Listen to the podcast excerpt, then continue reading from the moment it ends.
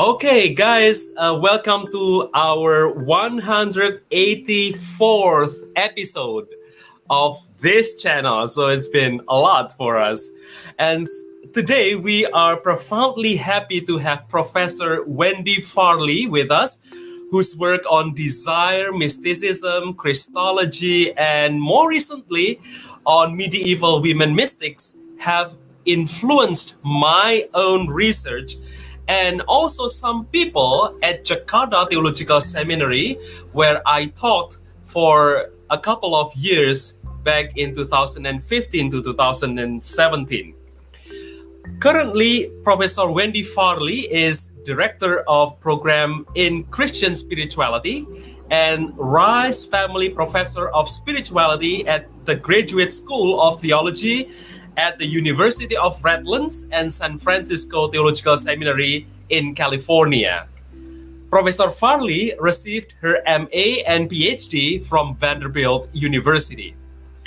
Considered a leading theologian, Professor Farley has written extensively on women theologians and mystics, religious dialogue, classical texts, contemporary ethical issues, and contemplative practices. This conversation is mainly based on her latest book, The Thirst of God Contemplating God's Love with Three Women Mystics, published by Westminster John Knox in 2015, which explores the spirituality of medieval mystics Marguerite Porete, Mechtild of Magdeburg, and Julian of Norwich. In Farley words, in Farley's words, these women have important things to tell us about our faith, the same as contemporary contemplatives with the emphasis on divine love. Professor Farley's new book entitled Beguiled by Beauty Cultivating a Life of Contemplation and Compassion will be out to the public in mid October this year. I eagerly look forward to seeing the book available to the public, of course. And we do hope that Professor Farley would give us a glimpse of what she wrote in that book. Professor Farley, welcome to our channel. Well, I'm just so honored and happy to be here and talking to people all, over the world and meeting friends in Indonesia that I didn't know I had. So I'm I'm just very very happy to be here and um, share your interest in theology and explore things together that are of interest. So I'm going to, I'm going to yes? Uh, sh- shall I continue first? Uh, I will introduce our colleagues uh, here. Yeah. And yeah. we are also happy that the San Juan team is our guest moderator at this episode. Uh, previous, previously, the group joined us in the interview on St. John of the Cross with Dr. Cristobal Serrán-Pagán from Valdosta State University. Here we have Timotheus Verdino, a graduate student in theology at the Faculty of Theology Duta Wacana Christian University in Yogyakarta. Fang Fang Chandra and Jonathan Lim, who received their theology training at the Southeast Asia Bible Seminary in the city of Malang, East Java. Cynthia could not join us today because of her uh, uh, health. Uh, so, from our theology friend, we have Adrianus Yosia here. So, let me now turn uh, the platform to Professor Farley. Uh, Professor Farley, my question is why are medieval women mystics so important in your research? Friends, help me in welcoming Professor Wendy Farley. Well, I, you asked me the question that I really wanted to um, to work with with you guys. Um, so I will give you a, a long answer, I guess. Um, I have written about these women, and um, I am going to turn off my email because it's dinging. I apologize for that there. Um, they, I think they're important to include in our understanding of canon you know, we read Augustine and Anselm and Calvin and Luther, and I think these women are very important to include. Um, they don't write the way these educated men do because they weren't allowed to be educated, and so of course they don't write in the same way. But they they use image and poetry and dialogue to convey really profound theological insights. And one of the reasons I'm so attracted to this genre is not only because I think women should be more fully represented in Christian theology, though I do think that, it's because they they offer a kind of counter um, an idea, a set of ideas that are not as well represented, although I think they're very present in the New Testament. Um, we have, you know, Christianity is very rich and pluralistic, and um, but there's a kind of ideal of orthodoxy that has policed our thinking, and so we're not as aware of how rich and diverse our tradition is. Uh, so I really think it's important to recover those lost threads. Um, you know, we do have a very diverse Christianity, and I was working in medieval Europe but if we move beyond Europe and look at the way Christianity is understood around the world, you know, we get a sense of how diverse and beautiful uh, this tradition can be. The second reason I really value these women theologians um, is that they have a very distinctive understanding of Christianity. Uh, they were persecuted for it, but but I think it's very powerful. Um, they were they were um, you know, really uh, evangelists of God's love, how much God loves us, uh, how compassionate and merciful God is. And the, he, they had a sense that God was merciful and compassionate toward everybody. And that, that idea is somewhat troubling to uh, people in power that God really loves people that maybe we ourselves don't find lovable. So I'm going to talk um, a minute about each one of these. Um, of Magdeburg uh, lived in what is now Germany. She was born in 1207 and she may have died around 1282. Not really clear.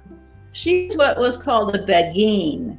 The Beguines was this movement of women, contemplatives in the medieval church. And they were very dedicated to service and prayer. Um, uh, they uh, were de- they, they, took a vow of chastity, but um, they might be widows, they might have children, they might be unmarried. They, but they they were similar to one another in their dedication to study uh, scripture and uh, prayer and contemplative practices and to many of them did what we would call social work you know caring for people in their villages Mechtilde of Magdeburg um, like the other Beguines personified God as lady love and this this feminine image of God is not so much a really tender figure like um, a mother figure Lady Love is a teacher and a guide. And so so Lady Love comes to the Beguines to teach them about God's love for them and for the world. She also talks about God as a, being a lover to express the um, the intimacy between the soul and God. But she she also thinks about how inadequate our language is for God, that all of our language can't really touch the truth and greatness of God. And she says, Of all that God has shown me, I can speak just the smallest word, not more than a honeybee takes on her foot from an overspilling jar.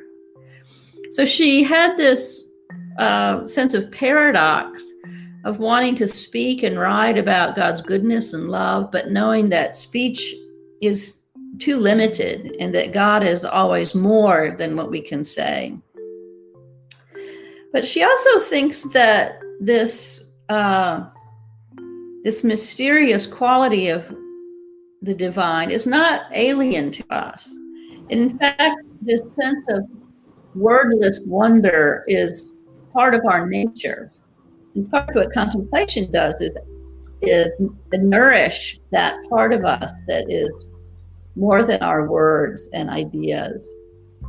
She um, she says, you know, if it can be frightening to kind of think about this arena of wordlessness or things we can't quite express. But she says, no, this is our nature.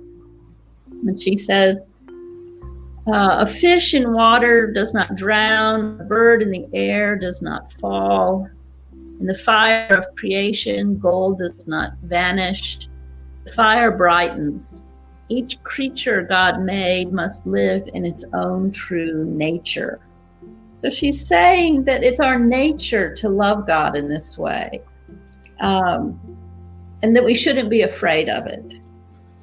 Um, she also thinks that her experiences in prayer are not for her private benefit, but that um, she writes about them. And it, we have to remember in those days, r- women writing was very unusual and even very dangerous. Women weren't supposed to be writers and thinkers. Uh, but she she wrote, and uh, because she thought that what she was experiencing was not just for her, it was really meant to contribute to the church's understanding of itself and of God. So that, um, and in fact, all these three women felt compelled to write for this reason that they had had an experience of the profound nature of God's love and just felt compelled to share it. And she and she thinks we participate in this love. That as we understand it more, we're better able to embody it. And she writes, effortlessly, love flows from God into humanity like a bird who rivers the air without moving her wings. Thus we move in his world one in body and soul, though outwardly separate in form. As the source strikes the note, humanity sings. The Holy Spirit is our harpist, and all strings which are touched in love must sound. Just want to pause and think about this idea that we move in the world, we human beings are one body and soul. We're united in one humanity and we're loved as one humanity, uh, even though we experience ourselves as separate. So, for all of these women, understanding this common humanity we share is, uh, is the purpose of prayer. Uh, it's the message God is trying to give us.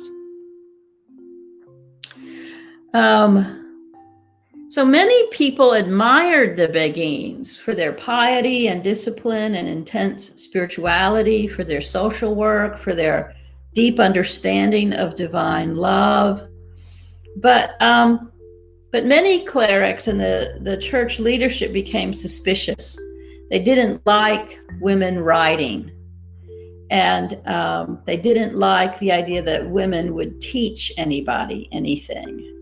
And so they began to um, repress the movement.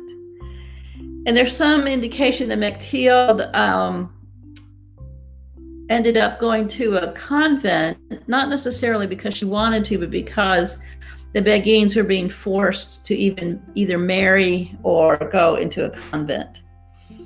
Um, so I'm going to move to Marguerite Porete, who is also a Beguine we don't know when she was born, but we know she died in June of 1310 because she was burned at the stake. Uh, she was a brilliant theologian. I think she's the, really the most brilliant of all of them.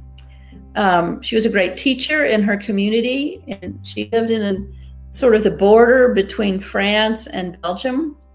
And there was a very thriving community with thousands of Beguines in, in, in living in large communities and small communities.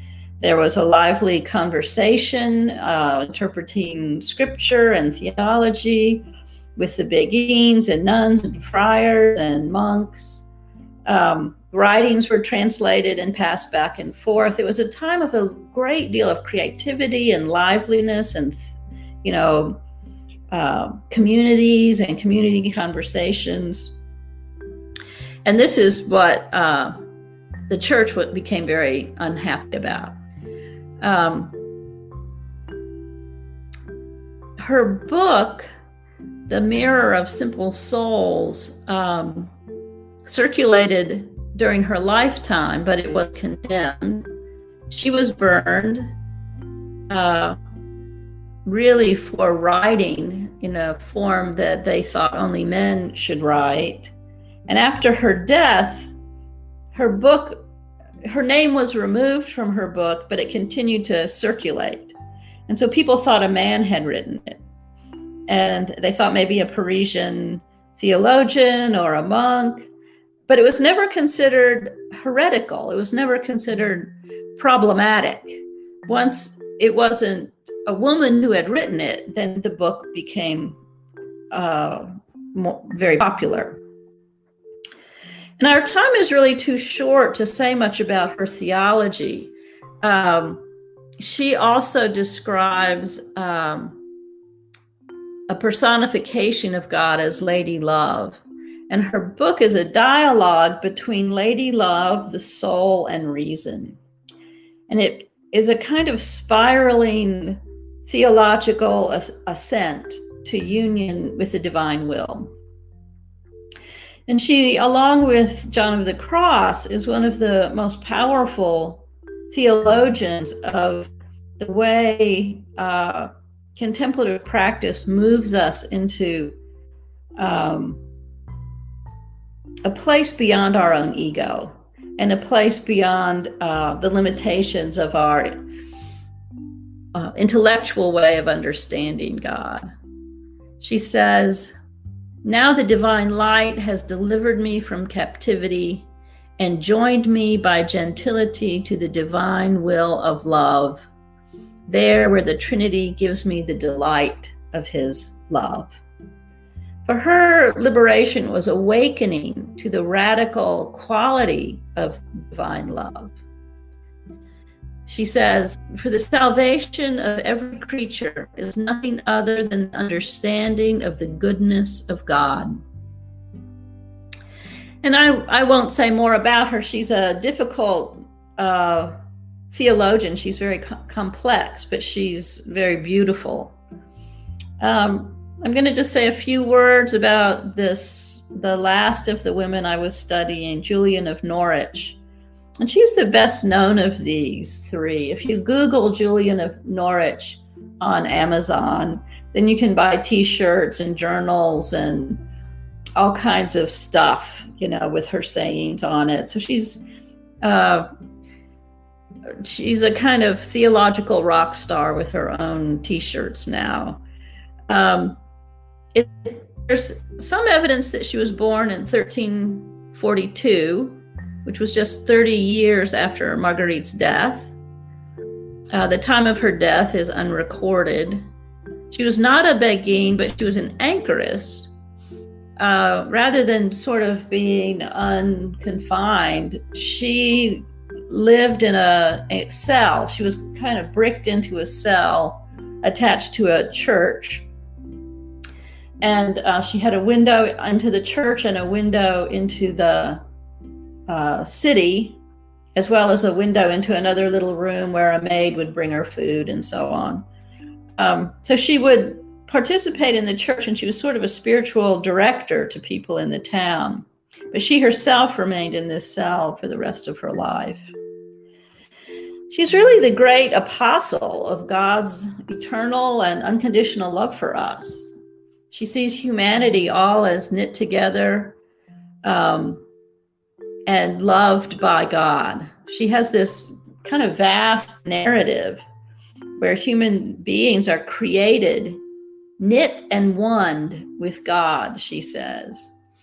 So, from the beginning of our creation, we're already unified to God's love, but we we um, we fall into creation, which is a realm of suffering. But the purpose of this life that's full of so much suffering um, is to teach us more about the radical love of God. So for her, the end will be better than the beginning.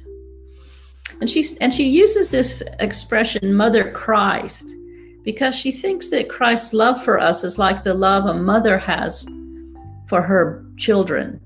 A mother loves her children so tenderly, and even if they go astray or do something wrong, the mother continues to love them.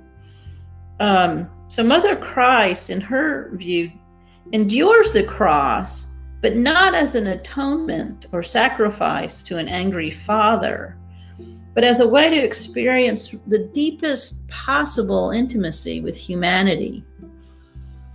And she found this puzzling because it was so different from what the church taught her. And so for 20 years, she meditates on this no anger, no judgment, no sin, no hell. She finally received a, a, a, what she called a showing, a kind of vision. And she concludes her book by saying, Love was God's meaning. Uh, in her, it's a vision sort of of God speaking to her. Who showed you these visions? Love. What were you shown? Love. Why were you shown these visions? For love. Hold on to that love, and you will learn and understand more of the same love, but you will never learn nor understand anything different. I believe that careful study of these women theologians greatly enhances our understanding of the nature of Christianity it's like finding an old trunk in the attic and discovering it is full of jewels. But I think they are also important exemplars and guides for our current moment. I speak as an American, and therefore I'm preoccupied with the national crisis we're experiencing of our corrupt leadership and also an awareness uh, long delayed of the racial racist violence which has um, characterized our country from the very beginning. And we have to face these things with courage and creativity and honesty. Um, and it requires a kind of spirit uh, and spiritual guidance and strength to face these things.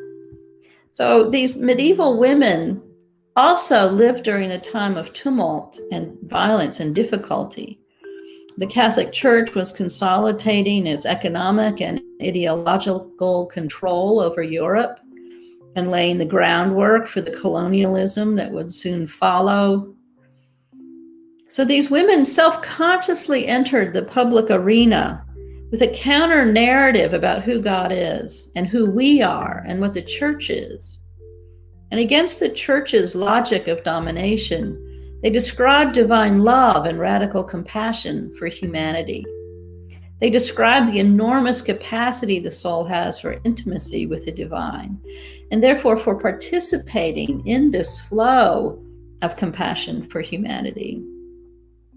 They risked a great deal to insist on a nonviolent love and compassion that flows to and among all human beings. They were silenced and they were even murdered, but they came come to us now as beacons of hope for what the church can be. And at this moment, I'm interested in joining these women's voices with the voices of the great mothers of the civil rights movement in this country, my country, the United States. They also envision a divinity dedicated to radical compassion for humanity. The interior work of practicing intimacy with the divine is twinned with the radical compassion for the world.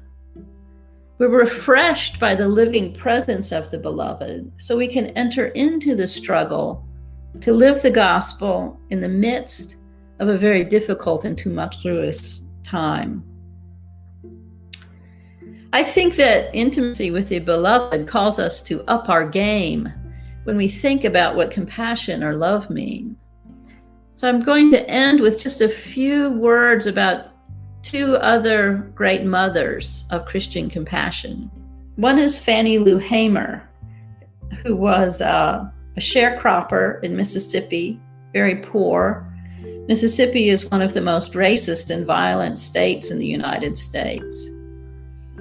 And she experienced firsthand the enormous violence of systemic racism, poverty, lack of education, fear, terror, life threatening beatings, jail.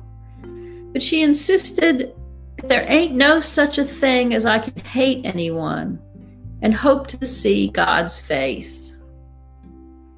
I think these words are really important. They're very inspiring.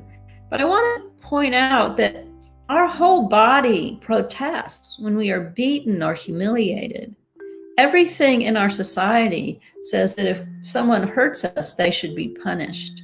It's as automatic as blinking when dust is in your eye.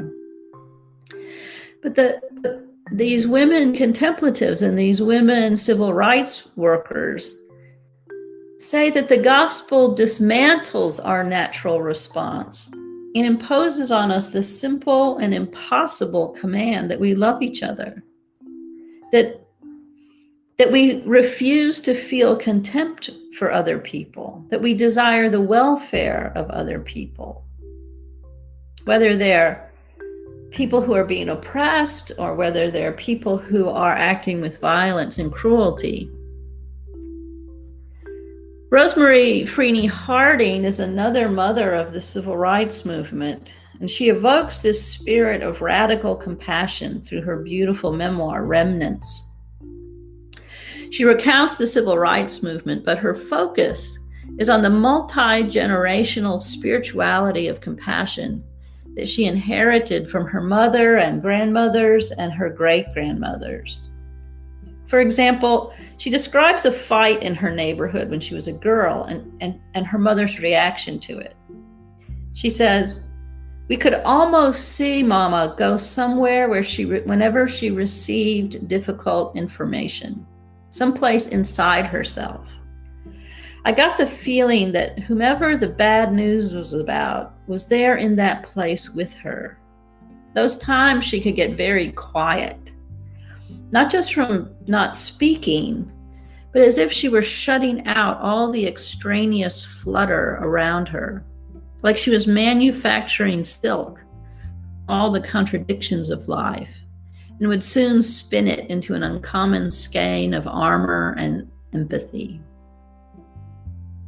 She said that watching her parents respond to the world gave her an example of sympathy and concern that could recognize pain that linked perpetrators and victims to the larger circumstances of their lives. And I'm going to tell you one last story before I end. She talks about in the civil rights movement a woman who went to visit a, a prisoner uh, one of the protesters who'd been arrested, and a guard beats her up and she miscarriages. miscarriages. But she responded, this woman's name was Marion, and she responded to her kind of grief and trauma without hatred, with a kind of victory over hatred that was really remarkable. And um, Harding writes, it's hard for me to explain her actions in terms that do not sound like romantic idealism or naivete. But what I'm trying to emphasize to you in this example is how deeply and how seriously many people were grappling with the meaning of nonviolence during the movement days. When we saw and felt in Marion's presence and her response to the trauma she was living through was the excellent quality of a victory. But where other, otherwise a dominance might have been, there is instead dominion, a kind of understanding. That's what Marion gave us, that quality of compassion.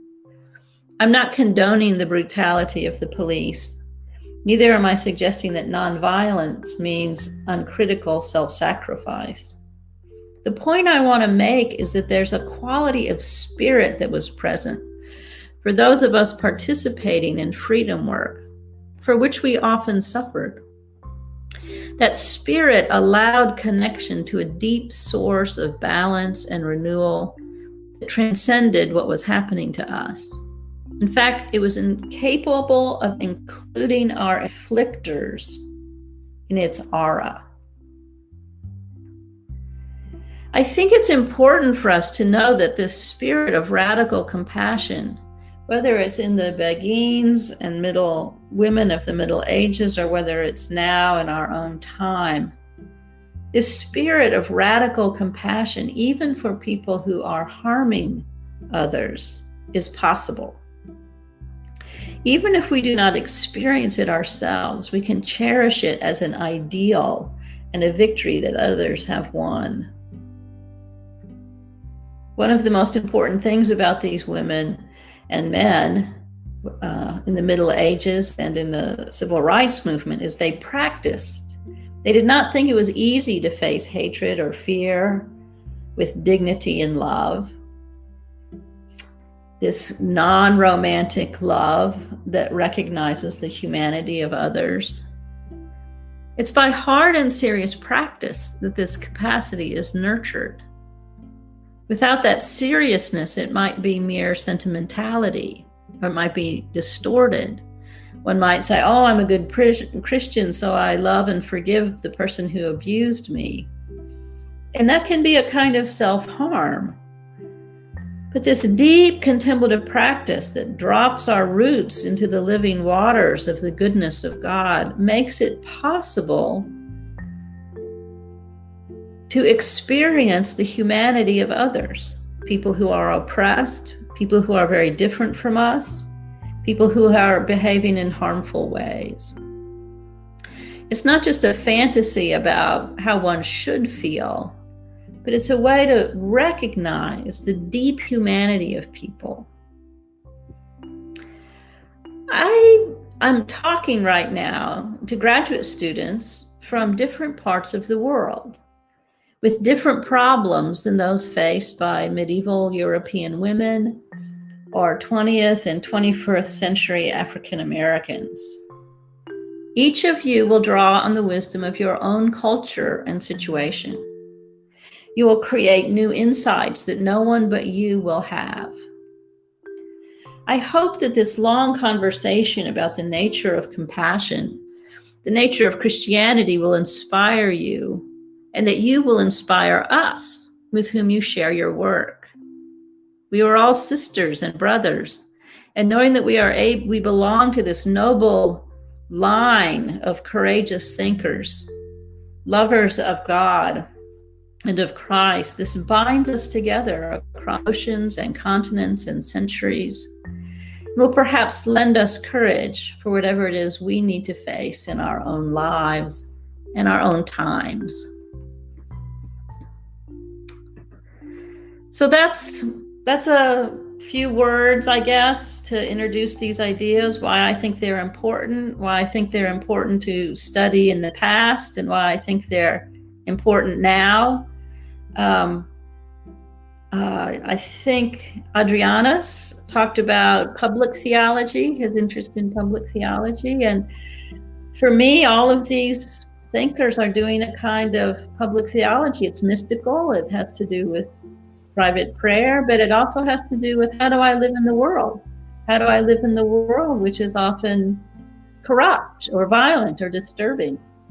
So that's all I'm going to say. And I just am looking forward to what hearing from you all and what's on your all's mind. Well, thank you very much, uh, Professor Farley, for your uh, introductory lecture for us to understand uh, more about not only the medieval women mystics, but also contemporary, such as uh, Mary Lou Hamer, uh, which is also inspiring for me personally.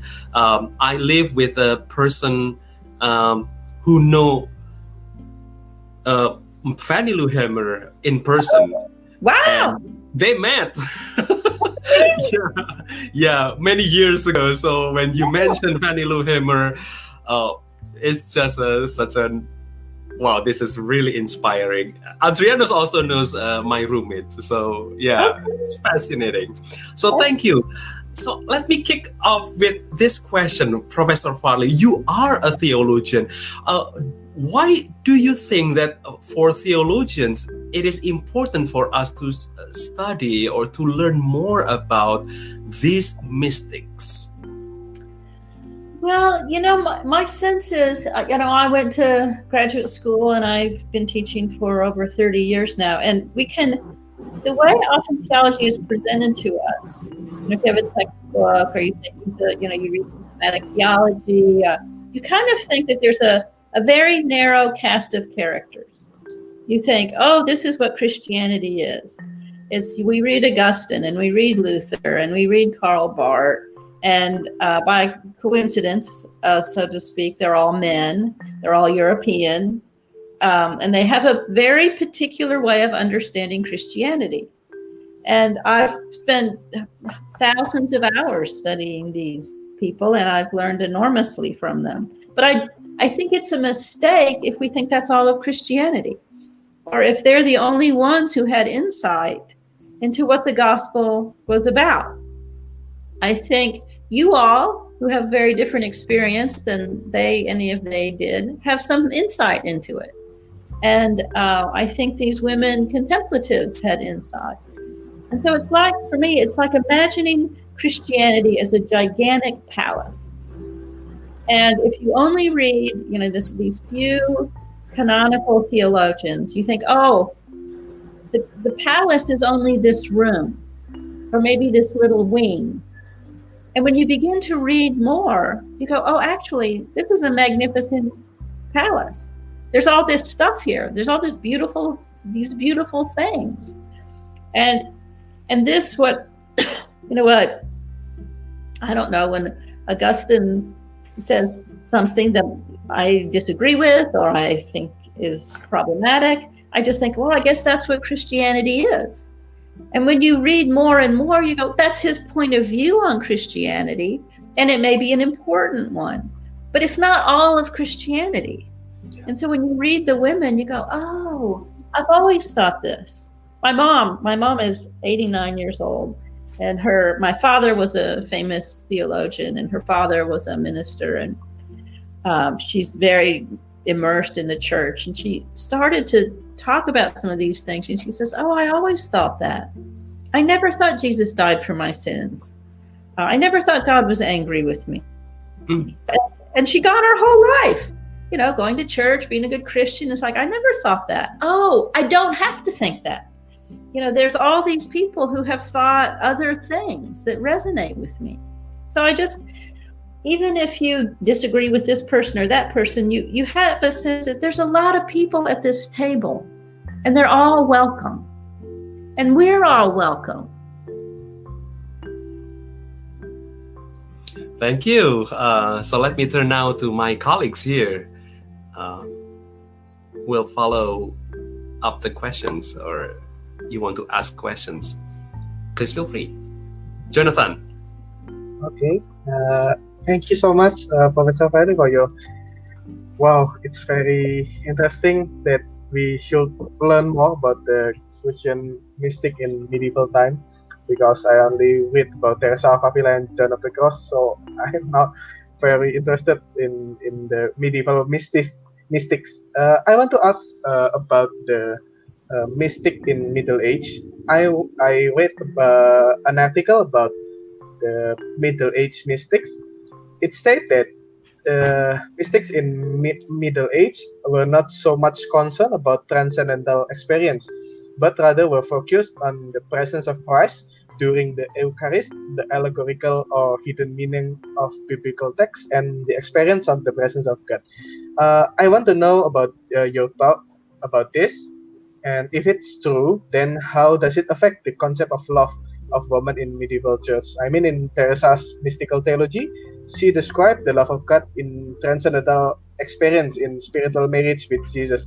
I'm interested how the presence of Christ during the Eucharist can give the medieval woman a very strong image of God's love. So I, I couldn't hear, I couldn't hear everything that you said. So you read something that said that the medieval mystics were not so interested, did you say in transcendental experience? Yes, transcendental experience, but rather were focused on the presence of Christ during the Eucharist. Oh, oh yeah, yeah, yeah. Okay. Um, many. Um, I'm not sure what the person meant, but they weren't interested in. Um, how to put it? There were the during the period Christian mysticism in Europe did focus very much on on the Eucharist. That's true. And many of the women in particular would kind of become ecstatic uh, taking the Eucharist. I have a student, uh, Mina Cho, uh, who graduated a long time ago, and her dissertation was about um, the importance of the Eucharist for, in this case, Hadewijch, who was another of the women. Um,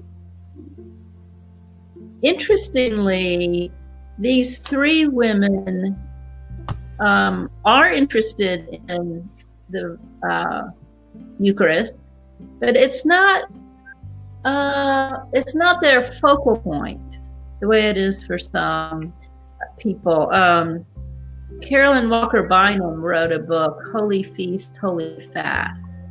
And that book talks a lot about how uh, women's medieval women's piety was very shaped by the Eucharist. But interesting, these more theologically oriented women, the, the ones that I just was talking about, they are interested in ma- the major theological questions. You know, what is the nature of God? What is the nature of sin? Um, what is the nature of Christ? What is our relationship to Christ? What is the nature of the church? But um, but they talk about it in, in kind of poetical and visionary terms. Um, not all of them are visionaries, but um, so they they they they're more they're like a hybrid. They care about the questions that theologians are writing about uh, but they write about them different ways. I mean, they haven't been, they're not, they're not scholastics. They haven't been to university in Paris. Um, and so they write out of their experience. They write out of their prayer life. They write out of their conversation with others about scripture.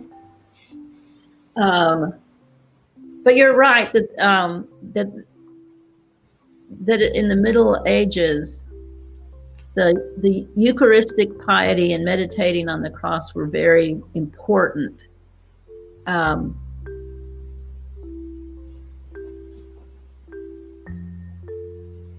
sometimes that could become sort of harshly penitential, and people would uh, sort of torture their bodies.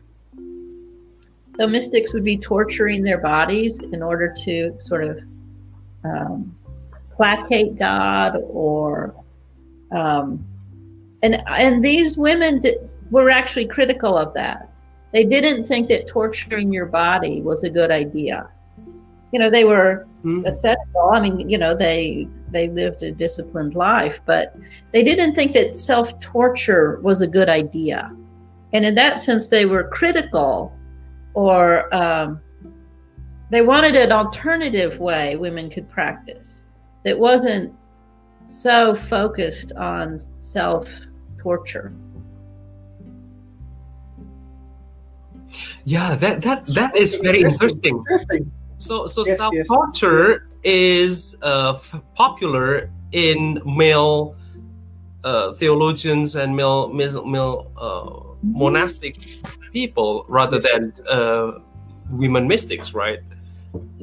I think many women mystics did experience did understand that what they were supposed to be doing was really tormenting their bodies and so many many women did that and that's that's what carolyn walker bynum's book is about um, and men who wrote about women loved to write about women torturing their bodies it was kind of actually rather perverse but these women, when they talked about what they experienced, how they practiced, what they learned about God, they did not talk about self torture. They talked about that is a distraction. You distract yourself by getting preoccupied with torturing your body. You should be focusing on your prayer with God. You should not be focusing on how much pain you can inflict on your body. Oh, wow, wow, it's something new for me. So, okay, I, I, I learned about the medieval uh, question, and they they do uh, like to talk to themselves to show how they love God to uh, the talk to the self torture. But I I oh well, I just know about the the woman that they they doesn't uh, yeah yeah they they doesn't support the the self self torture so they focus themselves on the relation with God, mm-hmm. not uh, with the self torturing. I read from the National Geographic. I watched it uh, that in those time there's a lot of people that uh, yeah torturing themselves with a whip and yeah right walking on the street and they show how they love God by doing that. Yeah, that's right. It was, you know, it had in part, I'm sure there are many complicated reasons, but it had in part to do with this idea that you know, God hates us. God is angry with us. God, um, God wants to send us to hell forever and torture us forever. And uh, it's really like they got mixed up about God and the devil. Like, you know, who's who wants to torture? Who wants to, you know, harm people? Um, and um, but they this idea God is enraged, God is angry, Father God is hates us. And so how can we placate this abusive, cruel, tyrannical God. God loves torture, so we'll torture ourselves, you know. Um, um, and so these women are really, this is why they were so problematic. They were saying that's not a healthy way of understanding who God is. Um, so they were that's why it's political. You say, "Oh, God is love." That sounds great. You know, I learned that when I was three years old. Jesus loves me. This I know, for the Bible tells me so. But, um, um, but, but it was a very dangerous and political thing to say, because the church wanted to be in control of God's mercy. And if you could go directly to God's mercy in prayer, then God didn't. The church didn't control it and um, they they didn't want that. Okay, Yeah, even even Martin Luther believed uh, that before yes, yes. he became the great reformer. He tortured himself. That's right. right. That's exactly right. It's, there's a, you know, we think of Martin Luther as the beginner of this, but these ideas they go back hundreds of years. And it was very successfully you know people have been you know working for reform of the church for hundreds of years including these women and martin luther came at a moment in history when time was ripe and it just kind of a lot of these ideas became much more commonplace for us Professor Farley, this is uh, Professor Joas Adiprasetya from Jakarta Theological Seminary, and he says, uh, Professor Farley, thank you so very much for your works. I use a lot of your wonderful works in my ongoing project. I'm looking forward to reading your forthcoming book. So you have well, fans. Thank you. Thank you. Thank you. I appreciate that. Those are very kind words. I appreciate that.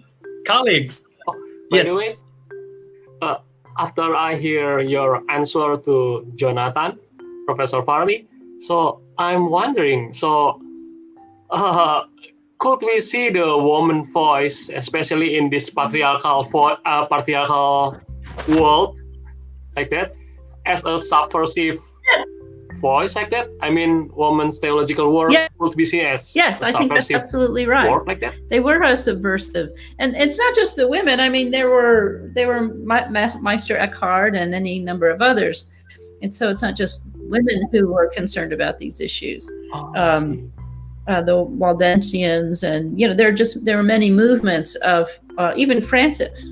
You know, Francis, Francis and Saint Clare. They were offering a different way of understanding, and they were subversive, and um, they they were successfully repressed for hundreds of years. but I think I you know think if you're interested in public theology, I I think that they would be they would fit many of the categories of people who are trying to make reform.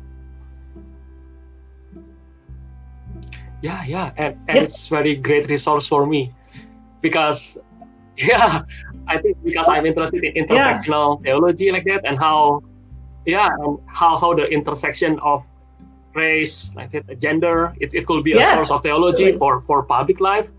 And yeah, it's stuck me. I mean, struck me when, when you present it. Wow. So well, wow, woman leadership. I think, cool. I think they are very powerful awesome. to think about in terms of public theology. So, so Matilda yeah, yeah, yeah, has all these visions. She's always having visions. And one of she, one a, a common, a, a, frequent kind of vision she has is she'll see a um, a cleric in purgatory, or a bishop in purgatory, and she'll describe this experience. And we think, oh wow, you know, visions of purgatory. That's weird, but um, but actually, you have to think about it politically. What is she saying? She's saying these people, these men who are very powerful in life, um, are actually going against God's will. They are resisting God's will. And when they die, they have to be purged of that sin. So that's very, very political.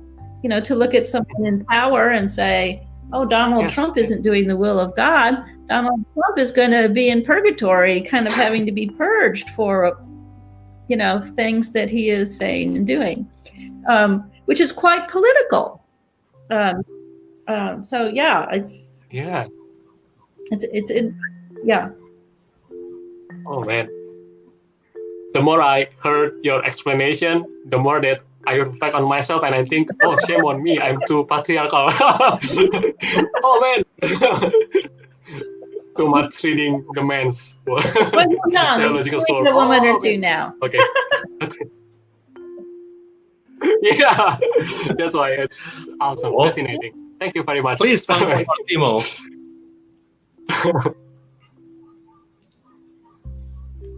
okay. Dr. Farley, I want to know more about uh, Julian of Norwich, that motherly love.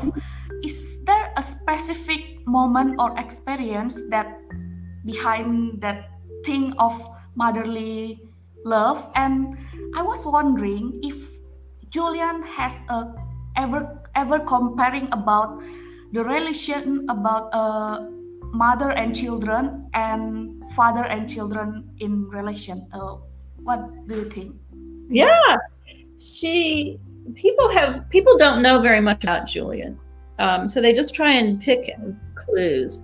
One speculation is that she was married and had children, and uh, she lost her family, possibly in the Black Death.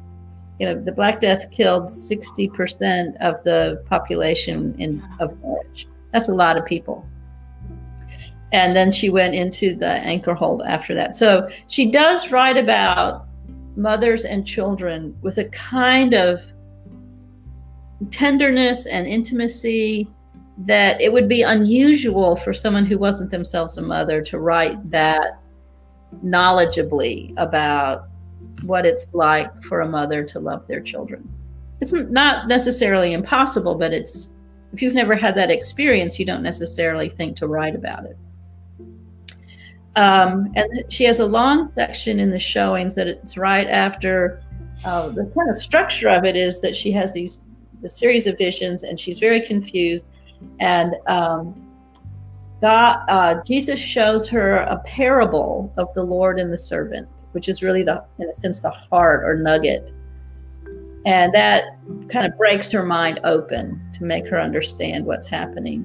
And it's right after that uh, for several chapters, like chapter I can not I don't remember offhand, but like fifty eight for several chapters. She has this long theological discussion of Christ as mother. And it's very detailed. It's not just like, you know, let's sing a song about Christ as mother. That's fine. But it's very detailed about, um, you know, Christ feeds us in the Eucharist the way a mother nurses her baby. Um, she Christ is in labor for us for our salvation, the way a mother is in labor for her children. Um, I, one of the most important ideas is the way a mother um, never abandons her children. Um, real mothers do abandon their children, but from her point of view, mother love is the kind of love that would never abandon your child. Um, and if there's a mistake or if you have to discipline them, then you do that. But but a mother never abandons her child. And so for her, that tenderness and that never giving up and that I'm going to that, that's this expression, the thirst of God. That's from Julian. God is thirsting for us, like the way a, a mother thirsts for the welfare of her child, and she will never stop thirsting for the welfare of her child until her child is okay. So all of those things are part of her understanding. But for her, she doesn't contrast that with a father who's strict or mean or disciplinarian. She thinks, you know, she she uses male and female imagery, but she doesn't so much talk about Father God. She talks about curt- the courteous Lord. Uh, you know, so that God is like a Lord, except unlike a human Lord, he's courteous, he's loving, he's has a he has a kind of intimacy. He's he's she has this image of like a heaven is like a big dinner party and God is going around. Oh, would you like another glass of wine? Here, there. Have make sure you have these pastries. You know, so that even even the image of Lord has these qualities of gentleness and closeness. So God is maternal in a sense in all of God's parts. Um, so she doesn't have like a lot of in the Trinity. There's the kind of strict, judgmental Father, and then there's this kind of merciful part, and they fight it out. The humans are going to save, but um, um, Julian's not like that. God is the Trinity is holistically loving, um, holistically, in a sense, maternal in that sense, in whatever God is doing. Was that was there? A, Thank you. Else? Does that help? Yeah, really helps. okay. I really like uh, Julian's imagery of the hazelnut. Yeah. the hazelnut is so small, but it's in God's hand. God does yeah. care for the hazelnut. It's just yeah. Very, very it's, inspiring. It's beautiful. And um, and the hazelnut is all of creation. So this is what's so important about Julian. The creation isn't divided like these people are going to heaven and these people are going to hell. All of creation is held in God's hand. And it will never it's like and she says it's so tiny, how can it not fall apart? And and left to its own it, it can't exist. But God loves it and will always love it. And so there's this all of creation is loved and held. It's a beautiful image. Thank you. Huh? Well, Timo, the time is yours now. You have to unmute yourself. Yes. Yes. Okay. Thank you, Professor. Actually, uh, I, I, I don't know much about uh, medieval uh, mystic women, but I'm interested in knowing more about uh, the the Beguines the Beguines in, in the medieval. Uh, uh, what affect uh, this this movement? Uh, who are these women?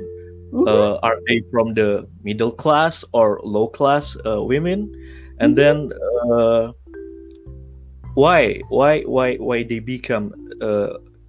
Because uh, are are uh, any of the religious order at that time do not provide uh, something that they need uh, or do not satisfy their uh, spirituality and then yeah something like that and then my, my second question uh, i also have second question uh, mm-hmm.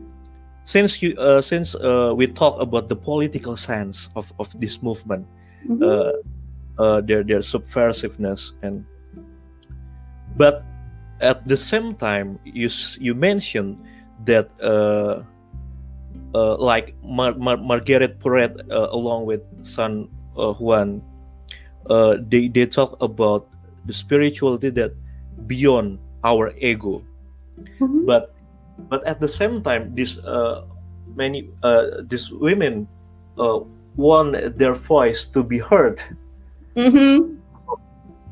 Yes. How how in relation to that, how how how how it can be how to say yeah, yeah. How do you hold those together? No, yeah Okay. how how this get, get along together thank you yeah, okay. I'll say a few things about the Beguines and then I'll talk about this other question. Um, so the Beguines were a movement. It's a it's a very informal movement. It doesn't have a founder. It's say what the beginning was exactly. Um, it wasn't a, a particular order. There weren't certain rules. Uh, there wasn't a leader. It was a movement that lasted about a hundred years from uh, from around the beginning of the 13th century, really until uh, around the time Marguerite Porete was uh, killed at the beginning of the 14th century. And um, they were women who were very interested in prayer.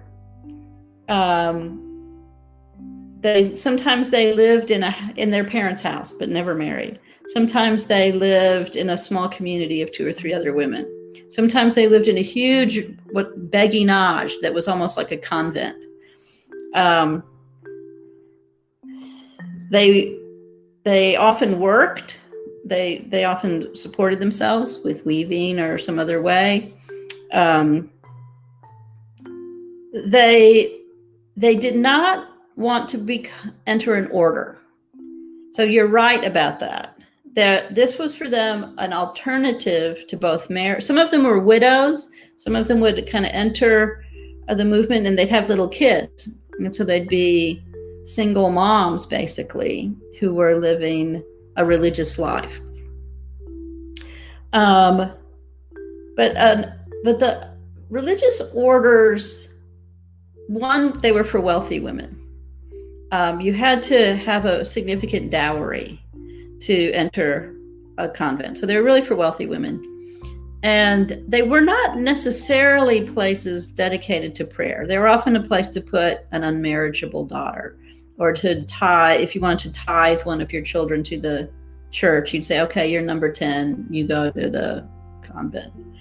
Um, and this was actually very much what Teresa of Avila was up against. You know, these churches that were like big sororities, and men would come visit, and they would chat, and they'd have tea parties, and um, but they weren't places of very serious religious practice necessarily. Some were, some were, but many were not.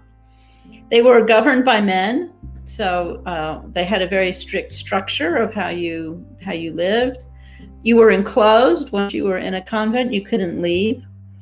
Um, so you couldn't go work, you couldn't have children, you couldn't raise your family, you couldn't, and and the women were not married women, but they might have, as I say, been wid- widowed.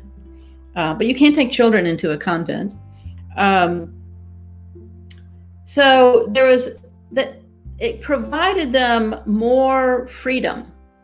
They they were more they were deciding what is our piety going to look like. Uh, and they would talk to each other and they would practice together. And um, some women were wealthy and they would buy a house inside the beguinage, or they'd buy a house and other women would come and live with them as beguines. some of them were pretty poor and they live in a dormitory. Um, some of them were working class. Um, but it was it was an alternative spirituality um, I don't know what it's like in Indonesia. In this country, there's a lot of interest um, among women and men, but particularly among women. You see a lot of women, you know, doing spiritual direction, doing retreats, having, you know, they meet once a week for centering prayer or some other kind of prayer practice. Um, these women are lay women; they don't want to be nuns. Uh, but they want to be serious about contemplative prayer. And um, in the Middle Ages, they might want to be a beguine.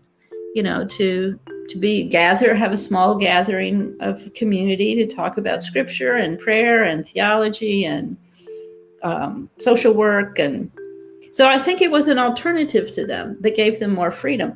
And these amazing writings grew out of it. You have these writings by the Beguines that were fresh and beautiful.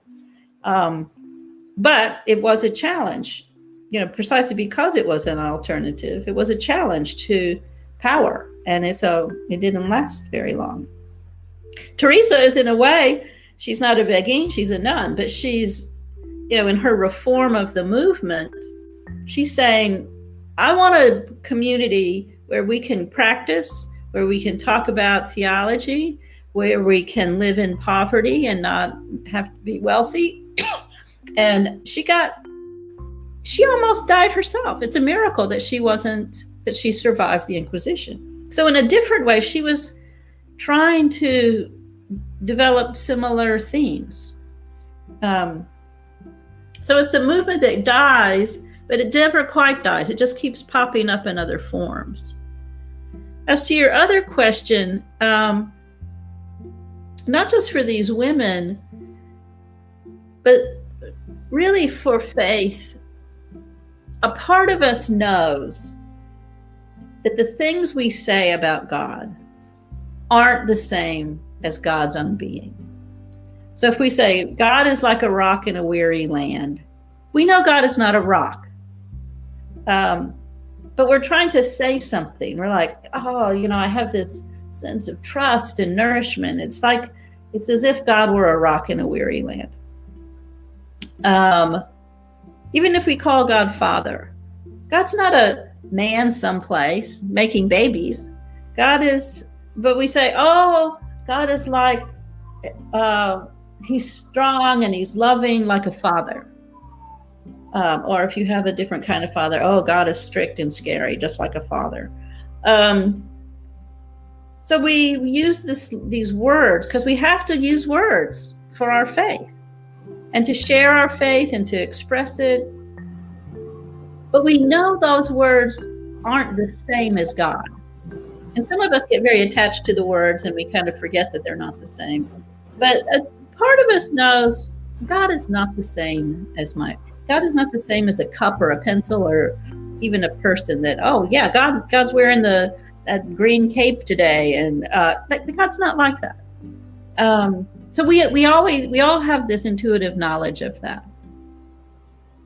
I think the more prayer you do, the more you move into a space where that um, sort of wordless dwells. You get more and more comfortable with that. And it's like being in love. You know, when you fall in love with someone, you you say, "Oh, my lover is like, you know, my love is like the sun and the moon and the stars," and um, and you try and say how much you love this person, or you try and say, "What do I love about this person?"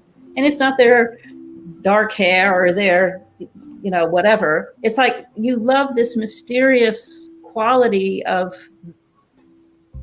that whoever they are. And so you don't actually have words for what it is you love or how much you love them. And so you use words, but you know that your love is not the same as these words. And the more deeply you love someone, the more you know. So if you fall in love, you go out to a bar and you go, oh, that guy, he's so cute. Uh, he has that neat hat and he, you know, I just, he's so hot. That's, you know, if that's as far as you go, you're not in love. It's only when you enter into the mystery of a person's being and love them in their not attribute like this, that, or the other, but you love them in their mysterious personhood. That's when you begin actually love a person, not because of this or that. So God is even more like that. The more you love God, the more you enter into prayer, the more you enter into intimacy, you realize, oh, I don't love God because God is like this or like that or the other thing, or God will do this for me or God will do that for me. You just enter into the kind of wordless mystery of love. And the more you do that, the more comfortable you are with this gap between what you can say and the reality of it. And so the, these great mystics, they have encountered in a very deep way this this mysterious quality of God that is beyond all words. So on the one hand, they want to say, God is so much more than my ideas. And they feel compelled to talk about this. God isn't my idea that God is a father or a king or a this, that, or the other thing. God is so much more than that. So they feel compelled to say that. But they also know that whatever they say isn't going to capture it. The best these words do is they point you, they point someone and say, Listen, I'm going to lay some breadcrumbs down. And you follow and you will learn it for yourself. only when you learn it for yourself will you know what I'm talking about. Um, Marguerite Porete talks about this a lot. She says, I feel com- Lady Love has compelled me to write. But by writing, I know I'm distorting the truth of it. She calls writing loving lies. Um, and it's so they are they're wanting us to all feel kind of at ease with the fact that God isn't captured by our words, that we love God more by being at ease with, like, holding our words lightly. You're looking very puzzled. Can I help you more with that? Timo? Well, uh, so uh, thank you, Professor. Uh, then, uh, in relation to that, uh, you mentioned that uh, Margaret Porete said that to understand God's salvation uh, is nothing more than understanding mm-hmm. the goodness of God. So uh, that I can uh, uh, quite understand what, what, what, what this statement about uh, because uh, they they do not want to trap God in the in the in the kind of the definition that like in the Bible that God is God punish people or God torture people, but uh, they they give the space uh, for understanding the mm-hmm. goodness mm-hmm. of God. Thank you. Mm. So is it like more uh, creational? Uh, uh, I mean, uh, they they they how it's uh, in relation to the views about hell about about god god punishment um, what did they think about punishment yeah. well I, yeah. yeah. i think they thought in they didn't they they didn't uh, they thought different things so um, Mechtild of Magdeburg mm. had a lively sense of purgatory. Um, you know, Protestants tend not to think about purgatory. But the idea of purgatory is that um, when we die, we're not perfect. You know, we're not perfectly capable of loving God or experiencing God's love for us. And so we go through a process of purgation, you know, cleaning out the obstacles. So that so that it's not exactly punishment, as much as it is, or you could think of it that way, but it's more uh, a kind of suffering that that removes the obstacles of what is preventing us. So if you, you know, fr- from her point of view, if you have been a corrupt cleric and you've done all kinds of terrible things, um, she did not have a lively. She didn't theoretically reject hell. She just, when she looked at hell, she didn't really see much there. But she did have a very lively sense of purgatory. So somebody could be a horrible human being, a very corrupt cleric, and um, and and would have to experience a great deal of suffering in order to kind of purge themselves of all of the things they had done wrong. And not just not just in the sense of deeds but the kind of bad thinking the hard-heartedness you know the way their spirit had evolved around uh, harming other people and so on and being self-aggrandizing and greedy and so it took a lot of time to to like purify those faults but she actually thought that process would mean that you would eventually be transformed. Julian thought, in a way, that life was purgatory. Um, that that the suffering we experienced here wasn't punishment, and we weren't going to be punished afterwards. But by suffering, we would learn more about who God was. We would learn, um, and sometimes this happens and sometimes it doesn't, but in her view, uh, you know, you'll see somebody who goes through a terrible experience. Um, and they and they in the middle of that terrible experience just like then like in the quote from uh, these two women from the civil rights movement Fannie Lou Hamer and russ Marie Harden. They went through horrible, horrible suffering, but the suffering taught them something very profound about love, which they they might have thought, yeah, God is love. But by going through this really difficult experience and training yourself to love in these difficult experiences, you love much more deeply, much more um, stably than if you just grew up in fairyland and said, "Yeah, yeah, I'm picking my daisies and God is love." Um, that might be good, but you learn it so much more deeply if you go through suffering. And Marguerite Porete didn't really talk about it one way or the other, but but she didn't seem to think she it wasn't something she thematized the way the other two did but I don't she she didn't think there was any limit on God's love. And um and she didn't say more than that. She just, there's no limit on it. Why would you limit this? Who are you to limit it?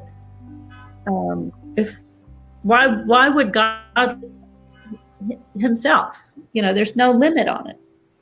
So that was kind of all she said about it. Uh, Professor Farley, there is a question from Joy. This is a young, promising theologian in Indonesia. How would you relate your explanation uh, on love, I think, with the triune God, with the notion of the triune God? He is curious that in mystical medieval time, is there any concern about how this practical view of the Trinity mm-hmm. impacted their life and their practice? especially yeah from women theologian. Yeah. Well, interestingly, they were very interested in the Trinity. Um, uh, Marguerite Porete wasn't as focused on the Trinity, but it wasn't something that she rejected. She just was that wasn't sort of the central focus of her uh, writing. But um, and Julian were extremely focused on the Trinity that was a very, very important part of their understanding of God. Um, I would say, um, I would say in the Middle Ages, an idea began to emerge in Christianity that kind of located the harshness of God in the Father, and then made the Son um, more the place in the Trinity where there is love. Um, but uh, before that, you know, e- even in Augustine, in a sense, But for about that first thousand years, um, that's not the way the Trinity was thought of. You know, that the Trinity had these different um, persona. Um, but those persona all shared the godly desire for good. So, so it wasn't like a part of God was kind of violent and angry and another part wasn't. It was that God in God's essential being is good and wise. God is love, God is redemptive. Um, but these different sort of energy centers um, personify that in different ways. But they're, you know, this ancient uh, Greek word is a beautiful metaphor. Perichoresis, it is the perichoresis of the Trinity. It means dance. And so there's this kind of beautiful image of these three elements of divinity dance through eternity together. And they uh, perhaps have different roles, if that's the right way to put it, um, to create and when and to redeem and to save and to make the cosmos beautiful and um, and I think that would be more their understanding of the Trinity. You know that that the, the Trinity is Trinity is unified in its intention and its desire, and um, it it has this sort of triadic way of manifesting it in the world. I don't know if that is helping. I didn't remember this woman, Joy, I think. Joy. Yeah, that helped at all. But um, but that I, w- I can say they were very interested in the Trinity, and it seemed to structure. But Julian can hardly get a sentence out which isn't Trinitarian. Uh, everything is Trinity for her. Right. And I also remember uh, Mechtild has a beautiful image of the Trinity that God the Father is seen as a host and uh, yeah. Jesus as the cup and the, the Holy Spirit is wine. Yes, that's right. That's right. So they they you know the Trinity was always in their imagination and they would see it in you know in the Eucharist, they'd see it in the creation story. They would see, they you know, it was very, um, it was very, very deeply woven into the way they experienced the world. Right. And it can it be seen that they are also constructive theologians of their time then? Because they mm-hmm. weave the images of their time with their imaginations, with the with a, a, a doctrine and with the teachings of the church. Yes, I think I see. That's why I think they should be read logically. They don't write the way Thomas Aquinas writes. They're not educated the way men are. They couldn't. I mean, this, I don't know what it's like in Indonesia. My professor, Sallie McFague, in the 1980s, was the first generation of women in history that was allowed to go to seminary and become educated and get a PhD in theology. She was the first generation. Uh, that's my th- theological mother. That's that's a long time not to have educated women. Right. And um, not that women wouldn't educate themselves in other ways, but uh, many of them knew Latin and so on. But um, but they weren't allowed to go through the uh, official training, so they don't write that way. But um, but in the way they write, they're writing about doctrine. They're writing about the theology. They're not just saying, "Oh, I had a, G- a vision of Jesus and he came and told me X." They may write sort of in that genre sometimes, not always, but but they're they're using their poetic ability, their literary ability, to um, to talk about Trinity, the Passion, Christology, doctrine of God, sin, redemption, eschatology, the church. So that's why I think I think what why it's so powerful to read them as theologians.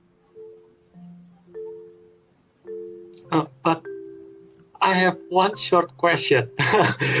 uh, as far as I know, uh, in today's theological conversation, they usually talk about like uh, after Calvert and after after and Rahner, they said that it's the recovery of the Trinity to the uh-huh. doctrines, right? But but it's interesting for me when I heard from you that uh, the the medieval, uh, especially the medieval mystic woman. They're Mhm. very very Trinitarian, Yeah. but but but yeah, I think it's it's it's kind of how to hold it. I, I guess why after Barth and Rahner is is, is say the recovery of Trinitarian, while in other sense uh, they they already talk about Trinitarian right before in medieval. I mean, can you help me to yeah. yeah uh, yeah it's kind of interesting.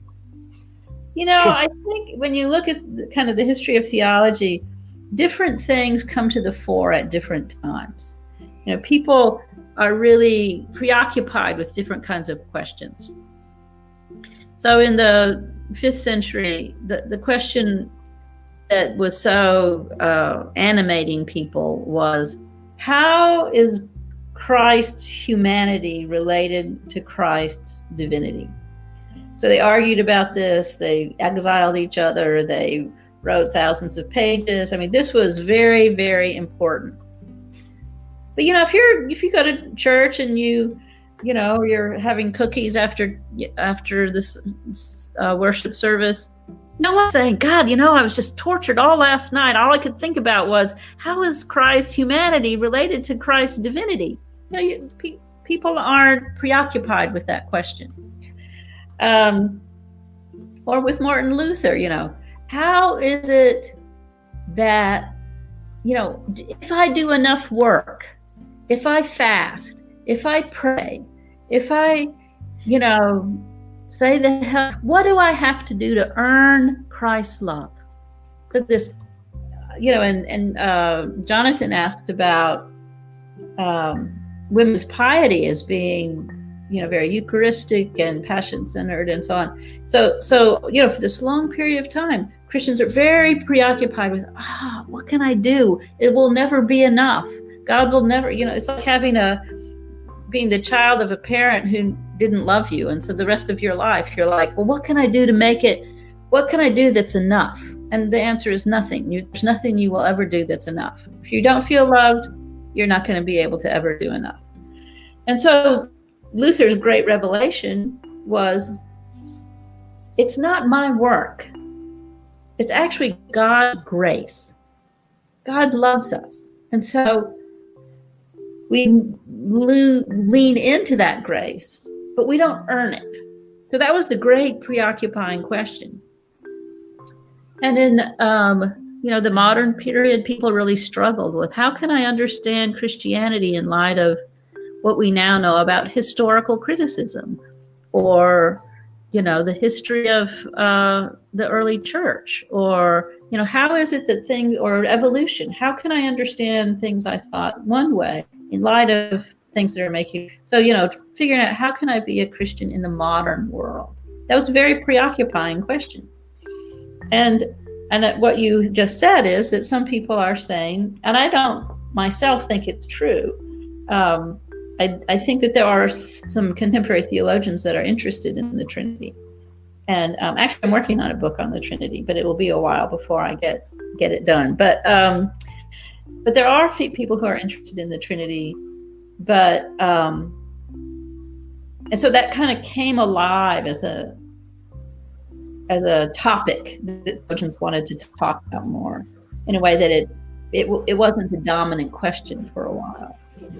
But I, at least in this country, I think it's more the more dominant question is, you know, for many theologians is how do you live the gospel in in a world that is so unjust? You know, it's sort of after World War II, people really got preoccupied about suffering and injustice. Who is God?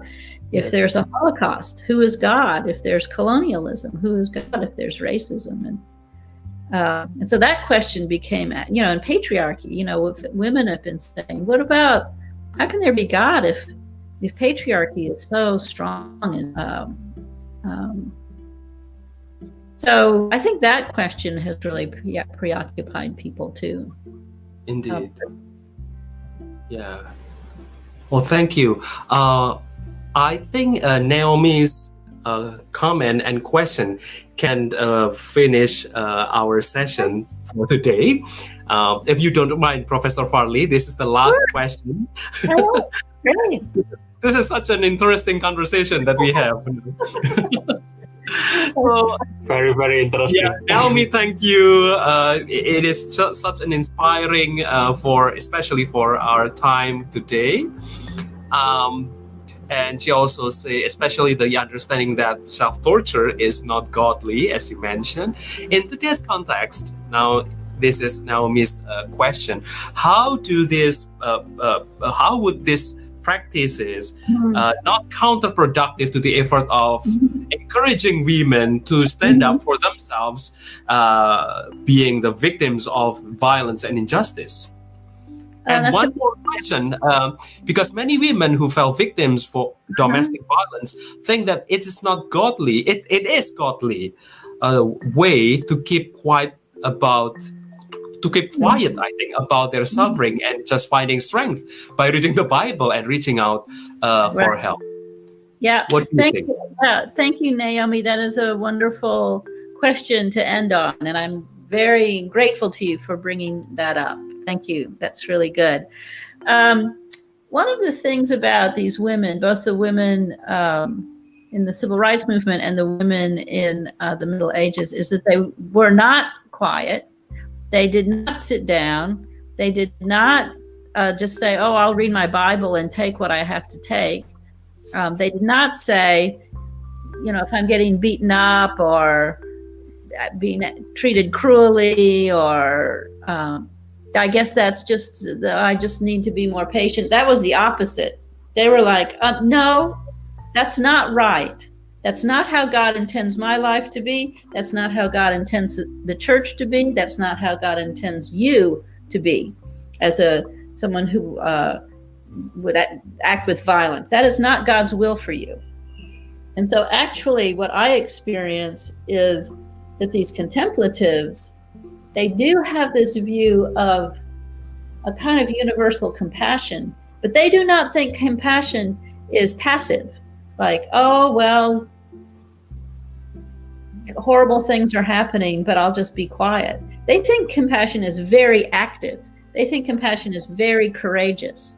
So, another thing Fannie Lou Hamer says, um, and she has said, you know, I don't hate you people. I love you people. We're your only hope, she says about white supremacists. We're your only hope.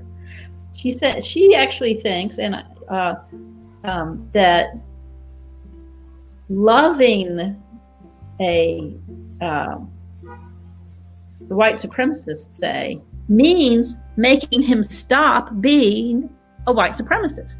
It doesn't mm-hmm. serve it. It's not love to let mm-hmm. him continue in a cruel path. And so, if one is a victim of domestic violence or any kind of uh, humiliating or painful treatment, the answer isn't, oh, I'll just sit here and be quiet. The answer is, I need protection. My children need protection. And I will do what it takes to protect myself and protect my children. That's number one. And I will experience God's presence in my life as empowering me to do that. I will have courage to protect myself and protect my children because I love God and I trust God. But another step you can take is not only that, but this person who is being abusive to me can't be saved well, as an abuser. It's no kindness to him to allow him to continue. So someone who is being abused doesn't have to take responsibility for that person. And maybe all they can do is try and get protection, uh, to try and heal their minds, to find the courage. But but it's not to resist evil is not being uncompassionate. To resist evil is being very compassionate for everyone concerned. So I I feel very strongly about this actually that that prayer and understanding more deeply who God is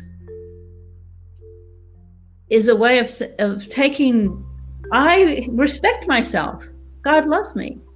God I'm created in the image of God.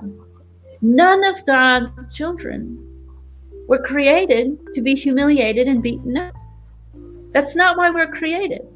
And the more you connect with that identity, the more courage you have to speak out for yourself and for others. Women are all what we would call activists. They're incredibly courageous activists.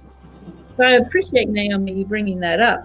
I think this notion of well, women should just be quiet and accept it passively. That's just that's just patriarchy. That's not God. That's just patriarchy. Um, we want to yeah. If you if you start resisting, then our power gets uh, challenged. We can't have that. Uh, so just read your Bible and don't work. You know, no, that's patriarchy. That's sin. That's not God. Mm-hmm. Well, this is, I think, this is the best way to end this session. Professor Wendy Farley, thank you very, very much for your kindness, for spending time with us. Uh, we are so blessed with your presence here, and we really look forward to reading your new book. And we do hope that you stop by again on our channel. We would like to have more conversation with you, of course.